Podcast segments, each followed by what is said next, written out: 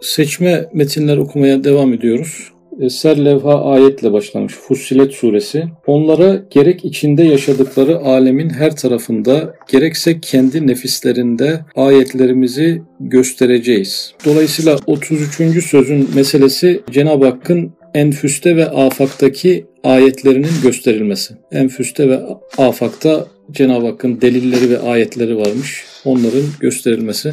Sual şu iki ayet-i camianın ifade ettiği vücub ve vahdaniyet ilahiye ve efsaf ve şuunat-ı Rabbaniye'ye alemi asgar ve ekber olan insan ve kainatın veçhi delaletlerini mücmel ve kısa bir surette beyanlarını isteriz. Yani 33. söz boyunca izah edilecek konuların bir listesi yapıldı. Vücub, Cenab-ı Hakk'ın varlığının mecburi oluşu ve vahdaniyet ilahiye. Sadece varlığının değil birliğinin, tekliğinin de mecburi oluşu ve ev saf ve şuunat-ı Rabbaniye'ye alemi asgar ve ekber olan insan ve kainatın veçhi delaletleri. Yani Cenab-ı Hakk'ın e, bir alemi ekberi var kainat, bir alemi asgarı var insan. Bu iki tane alemin, bir küçük alem bir de büyük alemin Cenab-ı Hakk'ın vasıflarına olan e, çıkarımlarını, izahlarını e, kısa bir surette, kısa bir şekilde beyanlarını isteriz. Çünkü münkirler pek ileri gittiler. Ne vakte kadar ve huve ala kulli şeyin kadir deyip elimizi kaldıracağız diyorlar. Münkirler ileri gitmişler. Propagandalarıyla, yazılarıyla, çizileriyle ciddi bir seviyeye kadar gelmişler. Karşısındaki muhatapları olan dindarlar da çoğu zaman ve huve ala kulli şeyin kadir diyorlarmış sürekli. Allah kadirdir bir gün biz de size bir gerekli cevap veririz. Da ahirette görürsünüz gibi cevaplar veriliyor. Üstad Hazretlerine de bu soruda ne zamana kadar böyle diyeceğiz? Yani niye elimiz kolumuz bağlı duruyoruz? Bir izah yapmayacak mıyız bu insanların e, vesveseleri, ürettikleri fikirler karşısında? Kısa izahlar istiyoruz şeklinde bir taleple başlamıştı 33. söz. 31. pencere. Lakat halaknel insane fi ehseni takvim. Biz insanı ahseni takvimde yarattık. En güzel surette yarattık. Tin suresinin dördüncü ayeti. Ve fil ardi ayatun lil muqinin. Yeryüzünde nice deliller vardır. Yeryüzü delilleri veya evrendeki, tabiattaki deliller diyelim. Ve fi enfusikum efela tubsirun. Nefislerinizde enfusikum sadece yeryüzünde değil bir de kendi nefsinizde, iç dünyanızda e, deliller vardır. Efela tubsirun. Görmüyor musunuz? Bir demek ki evrende bir takım deliller var. Bir taraftan da insanın nefsinde bazı deliller var. Bunları görmüyor musunuz? şeklinde bu da Zariyat suresinin 20 ve 21. ayetleriydi. Şu pencere insan penceresidir ve enfusidir. Demek ki 33 tane pencere var Cenab-ı Hakk'ın varlığına, birliğine ve sıfatlarına çıkarımlar yapan ama herhalde birçoğu afaki yani dış deliller e, idi. Bir tanesi de enfusi delil yani iç deliller insanın kendi iç dünyasıyla ilgili hem 33. sözün başında enfüs kelimesi geçmişti ayetten istihraç hem de 31. pencerenin ser levhasında geçmişti. Demek ki bugünün konusu enfüsi deliller, afaki deliller değil, kainattaki deliller değil, insanın kendi nefsindeki deliller bugünkü konumuz olduğu anlaşılıyor. Ve enfüsi cihetinde şu pencerenin tafsilatını binler muhakkikini evliyanın mufassal kitaplarına havale ederek yalnız feyzi Kur'an'dan aldığımız birkaç esasa işaret ederiz. Düşünün ki 33. sözün 32 penceresi afaki delillere ayrılmış görünüyor. Bir tanesi enfüsi delillere ayrılmış. Onu da üstadımız evliyaların ayrıntılı açıklamalarına bir havale yaptı burada. Tabi burada asfiya denmemesi biraz kalbi bir delil olması e, hasebiyle olabilir. Kur'an'dan aldığımız birkaç esasa işaret ederiz. Bir özet yapacak. Zaten 33. sözün başında okuduğumuz paragrafta da bize özet bir bilgi ver e, şeklinde bir talep vardı. Bu talebin burada bir karşılığı olduğunu görüyoruz. 11. sözde beyan edildiği gibi insan öyle bir nüshayı camiadır ki Cenab-ı Hak bütün esmasını insanın nefsi ile insana ihsas ediyor. Cenab-ı Hak bütün esmasını ne kadar esması varsa hepsini insana hissettiriyor, algılattırıyor, idrak ettiriyor ne aracılığıyla? insanın nefsi aracılığıyla. Buradaki nefs kelimesi biraz daha geniş. İnsanın varlığı aracılığıyla, insanın hisleri aracılığıyla, duyguları aracılığıyla, manevi e, latifeleri aracılığıyla kendi esmasını insana bildiriyor, hissettiriyor şeklinde bir cümleyle başladı. Tafsilatını başka sözlere havale edip yalnız üç noktayı göstereceğiz. Tafsilatını başka sözlere havale edip yalnız üç noktayı göstereceğiz. Birinci nokta, insan üç cihetle Esma-i İlahiye'ye bir aynedir. Üç açıdan Cenab-ı Hakk'ın isimlerine insanın bir aynedarlığı var. Birinci veci, gecede zulümat nasıl nuru gösterir, öyle de insan zaaf ve acziyle, fakru hacatıyla, naks ve kusuruyla bir Kadiri Zülcelal'in kudretini, kuvvetini, gınasını, rahmetini bildiriyor. İnsan penceresi diyoruz. Yani insan bir pencere ise bu pencereden Cenab-ı Hakk'ın vasıflarına, sıfatlarına bakacağız. Nasıl görünüyor bu pencereden? Kainat penceresi değil de insan penceresinden nasıl görünüyor? Diyelim ki Cenab-ı Hakk'ın kudretini, kuvvetini, gınasını ve rahmetini öğreneceğiz. İnsanda ne görünüyor? Zayıflık, acizlik, fakru ihtiyaç içinde olmak, kusurlu bir varlık olması. Bunlar e, Cenab-ı Hakk'a zıttıyla, Cenab-ı Hakk'ın sıfatlarına zıttıyla bir ayna tutuyor. Başta verdiği örnek de oldukça izah ediciydi. Gecede zulümat nasıl nuru gösterir? Yani gece karanlığında karanlık ışığı nasıl daha belirgin hale getirirse insandaki bu zayıf yönler, bu kusurlu yönler Cenab-ı Hakk'ın esmalarının mükemmelliğine vurgu yapıyordu. Mesela insan acizdir. Cenab-ı Hakk'ın Kadir ismine aynedarlık eder. Nasıl aynedarlık eder? Zıttıyla, tersiyle. Ee, insan ölümlüdür. Cenab-ı Hak ölümsüzdür. Nasıl bir aynedarlık oldu? Zıttıyla. Demek ki birinci noktada insan Cenab-ı Hakk'ın mükemmel isimlerine kendi zıttıyla bir aynedarlık gösteriyor ve hakeza pek çok efsaf-ı ilahiyeye bu suretle aynedarlık ediyor. Cenab-ı Hakk'ın sıfatlarının birçoğuna böyle zıttıyla aynedarlık ediyor. O özelliklerin tersini bulundurmakla aynedarlık ediyor. Hatta hadsiz aczinde ve nihayetsiz zaafında hadsiz adanın adasına karşı bir noktayı istinat aramakla vicdan daima vacibül vücuda bakar. Hem nihayetsiz fakrında, nihayetsiz hacatı içinde, nihayetsiz maksatlara karşı bir noktayı istimdat aramaya mecbur olduğundan vicdan daima o noktadan bir gani rahimin dergahına dayanır, dua ile el açar. Demek her vicdanda şu noktayı istinat ve noktayı istimdat cihetinde iki küçük pencere Kadir-i Rahim'in bargah rahmetine açılır. Her vakit onunla bakabilir. Demek ki Cenab-ı Hakk'ın bir gani olması mevzu bahis. Burada insanın fakirliği, zayıflığı, ihtiyaçları üzerinden gani, zengin bir varlığa tutunma ihtiyacı zaten burada zıttıyla e, Cenab-ı Hakk'ın iki tane ismi insandan görünür. Yani insanı bir laboratuvarda inceleseler, onun acziyle, fakrıyla, zayıflığıyla karşılaştıklarında kadir ve gani bir e, varlığın e, muhatabı, aynası olduğu anlaşılır. Burada bir pencereden Cenab-ı Hakk'ın iki ismi görünmüş olur. Diğer taraftan da Kadir ve Rahim isimleri. İnsanın bu zayıflığına rağmen giderilen ihtiyaçları, bu e, fakirliğine rağmen kendisine gönderilen zenginliklerden onun üzerindeki parıldayan şefkati, e, onun yaratıcısının kudreti e, insana bakarak, insan incelenerek ortaya çıkarılır. İkinci vecih aynedarlık ise insana verilen numuneler nev'inden cüz'i ilim, kudret, basar, sem, malikiyet, hakimiyet gibi cüz'iyat ile kainat malikinin ilmine, kudretine, basarına, sem'ine, hakimiyeti, rububiyetine aynedarlık eder, onları anlar, bildirir. Bu ikincisinde zıtlık yok bakın dikkat ederseniz. Ee, insanın kendi basit bir kuvveti var. Oradan kudreti ilahiyeye bir çıkarım yapabilir. E, kendi basit bir görmesi var. İnsan bir şeyler görür. E, Cenab-ı Hakk'ın basar sıfatına bir çıkarım yapabilir. İnsan da işitir. E, Semi ismine buradan bir çıkarım yapabilir. İnsan da bir şeylere sahiptir gibi görünür. Sahip olduğu şeyler vardır. 30. sözde izafi olduğu bunun anlatılmıştı. Cenab-ı Hakk'ın malikiyetini oradan anlar. Hakim olduğu bazı şeyler vardır. Oradan da Cenab-ı Hakk'ın hakimiyetini anlar. Fakat buradaki isimler gördüğümüz gibi zıt değil. Cenab-ı Hakk'ın vasıflarına zıt değil.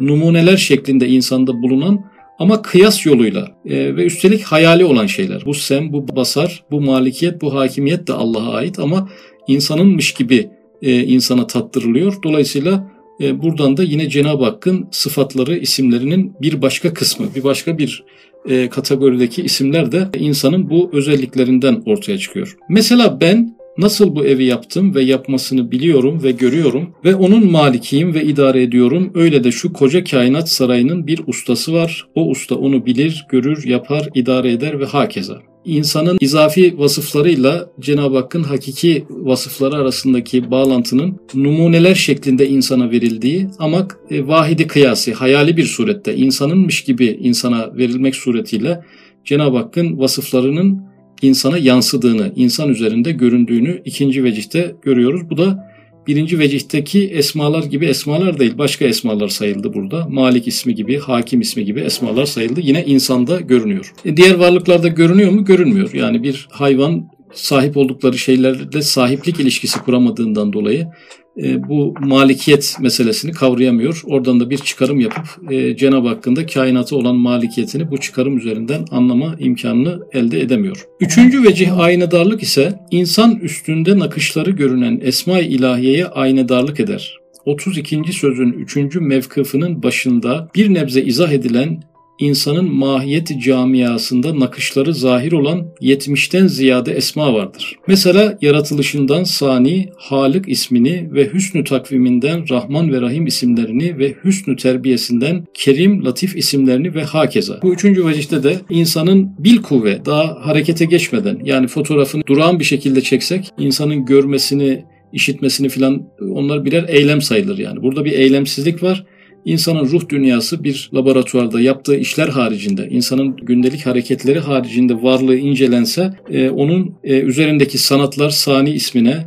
e, onun yaratımındaki güzellikler Halik ismine, uyumlu ve hikmetli yaratılışı Rahman ve Rahim isimlerine götürecektir. İkinci vecihte hayali ve vahidi kıyasi yoluyla elde edilen bir esma marifeti vardı. Burada e, insanın kendi varlığının Cenab-ı Hakk'ın hangi vasıflarından kaynaklandığı okunduğundan dolayı bunlar hayali değil. Bunlar gerçek manada bir aynedarlık. Vahide kıyası değiller. Çünkü zaten e, Cenab-ı Hak bizzat gerçek olarak insana verdiği bu e, yapılar e, söz konusu olduğu için bir kıyas yapmaya gerek yok. E, insanın dondurulmuş bir halinin özellikleri izah edildiği andan itibaren yine bu esmalar e, görünmüş olacaktır. Bütün aza ve alatıyla, cihazat ve cevarihiyle letaif ve maneviyatıyla, havas ve hissiyatıyla ayrı ayrı esmanın ayrı ayrı nakışlarını gösteriyor.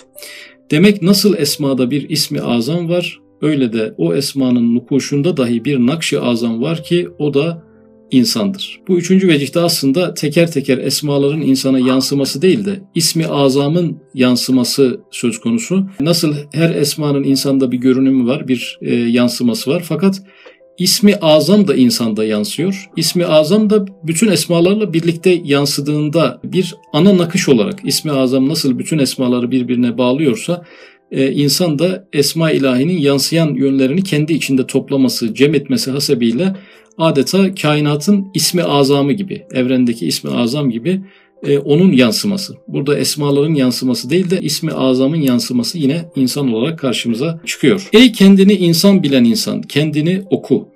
Ey kendini insan bilen insan kendini oku. Yani bu okumayı yapmayan biri hakiki insan vasfını da elde edememiştir. Çünkü insan dediğimizde Cenab-ı Hakk'ın isim ve sıfatlarının belli ölçülerle temsil edildiği, tartılıp ölçüldüğü bir varlıktan bahsediyoruz. Hakiki insan derken de bundan bahsediyoruz. Dolayısıyla bunu böyle görmeden insanın vasıfları izah edilmeye başlandığında biyolojik bir varlık karşımıza çıkacaktır. Hakiki insan karşımıza çıkmayacaktır. Yoksa hayvan ve camit hükmünde insan olmak ihtimali var. Eğer böyle bakmazsak, böyle okumazsak, e, nefsini bilen Rabbini bilir şeklinde insanın özellikleriyle Cenab-ı Hakk'ın yüce vasıfları arasındaki bağlantıları göremezsek, e, insanı diğer varlıklardan bir varlıkmış gibi görmekten başka çaremiz kalmayacaktır. İkinci nokta mühim bir sırrı ehadiyete işaret eder. Şöyle ki insanın nasıl ruhu bütün cesedine öyle bir münasebeti var ki bütün azasını ve eczasını birbirine yardım ettirir. Şimdi ruhun bedenle ilişkileri incelenmeye başlayacak. Yani ruhumuzun bedenimiz üzerindeki etkinliğinden bahsedilecek. Esma-i ilahiyenin de kainat üzerindeki etkinliğine benzetecek. Yani bedenimiz üzerindeki ruhumuzun etkileri her nasılsa kainat üzerindeki Cenab-ı Hakk'ın esmalarının tasarrufu da o mantıkla anlaşılabilir. Burada önemli bir aslında keşif yapılmış oluyor gibi görünüyor. İrade-i ilahiye cilvesi olan evamiri tekviniye ve o evamirden vücudu harici giydirilmiş bir kanun emri ve latife-i Rabbaniye olan ruh onların idaresinde, onların manevi seslerini hissetmesinde ve hacetlerini görmesinde birbirine mani olmaz, ruhu şaşırtmaz. Ruha nispeten uzak yakın bir hükmünde. Birbirine perde olmaz, isterse çoğunu birinin imdadına yetiştirir, isterse bedenin her cüz'ü ile bilebilir, hissedebilir, idare edebilir. Hatta çok nuraniyet kesbetmiş ise her bir cüz'ü görebilir ve işitebilir. Şimdi ruhumuz bedenimizin neresinde? Hiçbir yerinde. Bir mekanı yok. Bedenin herhangi bir yerinde ruh vardır denemez. Fakat e, aktivitesiyle nerede? Bedenin her tarafında. Herhangi bir hücredeki işleri de ruhumuz yönetiyor. Herhangi bir organımızdaki işleri de ruhumuz e, yönetiyor. Organlar arasındaki e, yardımlaşma ve dayanışmayı da ruhumuz e, yönetiyor ama ruhumuzun yeri yok. Bir mekansızlık var. Beden üzerinde bir mekansızlığı var. Peki ruhumuz zamanla tabi mi? Zamanla ilişkisi nasıl? Mesela zaman dediğimizde bir şeyleri sıraya koymak gerekir. Ruh karaciğeri idare ederken e, sonra bir sıranın akciğere gelmesi lazım, onu idare etmesi lazım. Sonra vakti kalırsa diğer organlara geçmesi lazım. Fakat her birini aynı anda idare ediyor. E, bir sıralama yapmak zorunda kalmıyor. Ayağımızdaki hücreleri organize ederken birazcık beklemiyor. Yani kafamızdaki, saçımızdaki hücreleri organize etmesi için bir zaman geçmesi gerekmiyor. Demek ki bir sıralama yok. Önce ve sonra duygusu yok ruhta. Ruhun bedeni e, idare etmesinde e, bir öncelik ve sonralık olsaydı organların çalışmaları birbirine karışması gerekirdi. Bir organ çalışırken öbürünün durması icap ederdi. Dolayısıyla zamandan bir münezzehiyet diyemesek de izafi bir münezzehiyet var. Yani ruhun bizim anladığımız manada bir öncelik ve sonralığa tabi olmadığını e, anlıyoruz. E, ruh yer mi, ruh içer mi, ruhun gıdaya ihtiyacı var mı? Hayır yok. Bunların hepsi bedenin e, ihtiyaç duyduğu şeyler. Dolayısıyla Cenab-ı Hakk'ın esmalarının kainatı, kainatla ilişkisiyle e, insan ruhunun bedenle ilişkisi arasında bir e, benzerlik kurmaya e, başladı, devam edecek. Öyle de velillahil meselül ala en yüce sıfatlar Allah'ındır. Bizim burada izah ettiğimiz şey haşa Cenab-ı Hakk'ı sıfatlarını anlatabilecek bir mevzu değildir. Sadece zihne yaklaştırıcı bir antrenman yapılıyor. Cenab-ı Hakk'ın madem onun bir kanunu emri olan ruh, küçük bir alem olan insan cisminde ve azasında bu vaziyeti gösteriyor Elbette alemi ekber olan kainatta o zat-ı vacibul vücudun irade-i külliyesine ve kudret-i mutlakasına hadsiz fiiller, hadsiz sadalar, hadsiz dualar, hadsiz işler hiçbir cihette ona ağır gelmez. Cenab-ı Hakk'a birçok dua gidiyor, aynı anda gidiyor. Bunların aynı anda gitmesi hiçbir problem oluşturmaz. Ee, birçok insanın aynı anda ihtiyaçları söz konusu. Bunların birlikte giderilmesi Cenab-ı Hak için bir zorluk değildir e, kainatın bir yerinde yapılan bir iş başka bir yerinde yapılan bir iş karşısında Cenab-ı Hakk'a bir zorluk e, çıkarmaz. Cenab-ı Hakk'ın önce bir şey sonra da başka bir şey yapmasına gerek e, gerek yoktur zamandan münezzeh olması hasebiyle. Bir yeri görürken öbür yeri görememe gibi bir durumu söz konusu olmaz. Bir şeyi işitirken başka bir şeyi işitememe gibi e, bir şey söz konusu olmaz. Bu aynen ruhun bedenle olan ilişkisindeki özelliklerin bize çağrıştırıyor. E, demek ki Cenab-ı Hakk'ın irade-i ilahiyesinin irade-i ilahiyesinin insanda yansıdığı yerde ruh, irade-i ilahiye kainatı nasıl hangi kanunlarla yönetiyorsa ruh da bedeni o kanunlarla yönetiyor. Dolayısıyla bu yine arada bir numune ve yansıma. isimlerden çok sıfatlardan birinin yansıması şeklinde ruhu görmüş oluyoruz. Üçüncü nokta hayatın pek mühim bir mahiyeti ve ehemmiyetli bir vazifesi var. Fakat o bahis hayat penceresinde ve 20. mektubun 8. kelimesinde tafsili geçtiğinden ona havale edip yalnız bunu ihtar ederiz ki hayatta hissiyat suretinde kaynayan memzuç nakışlar pek çok esma ve şunat-ı zatiyeye işaret eder. Yani az önce e, ruhun bedeni yönetme özellikleriyle irade-i ilahiyenin kainatı yönetme özellikleri arasındaki bağlantıyı kurdu. Aynı özellikler hayat konusunda da geçerli. Sevmek, korkmak, endişe etmek, kaygılanmak, üzülmek bunların her biri Cenab-ı Hakk'ın bir esmasından yansıyor bize. Elbette ki aynı ile yansımıyor. E, elbette ki onlarla bunlar arasında bir nispet kurulamaz. Ama biz o e, esma ilahiyeyi kendi duygularımız üzerinden ancak anlayabiliriz. E, dolayısıyla bu üçüncü noktada da ruh değil de hayat anlatılıyor. Yani bizim nasıl bir hayatımız varsa Cenab-ı Hakk'ın hay ve kayyum olmasını ancak oradan anlayabiliriz. Bizim hayatımız Allah'tan gelen bir hayat. Cenab-ı Hakk'ın hay olması kendinden bir hay olma e, mevzusu. Bir yerden kaynaklanmayan. Bizim diri olmamız Allah'tan bir diri olma. Cenab-ı Hakk'ın diri oluşu kendinden bir e, diri olma mevzusu. Biz yine kendi hayatımızla Cenab-ı Hakk'ın diri oluşu arasında bir bağlantı, bir marifet bağlantısı e, kurabiliriz. Hayat sahibi olmayan biri hayat veremez. Aslında 33. sözün başındaki kısa anlatımlarla bir talebin karşılandığı yerleri görüyoruz. Yani bizde bir hayat varsa e, bunu ancak hayat sahibi birisi verebilir. Bizde bir ilim varsa bunu hakiki ilim sahibi olan birisi, ilim sahibi olmayan birisi insanlara ilim veremez. Bizde bir görme varsa görmeyi yaratan görmekten e, mahrum olamaz. İşitmeyi yaratan işitmekten mahrum olamaz e, şeklinde Cenab-ı Hakk'ın anlatımını insan penceresinden, tabiattaki deliller üzerinden değil ama insan üzerinden anlatmaya devam ediyor. Gayet parlak bir surette Hayy kayyumun şunat-ı zatiyesine aynedarlık eder. Şu sırrın izahı Allah'ı tanımayanlara ve daha tam tasdik etmeyenlere karşı zamanı olmadığından kapıyı kapıyoruz.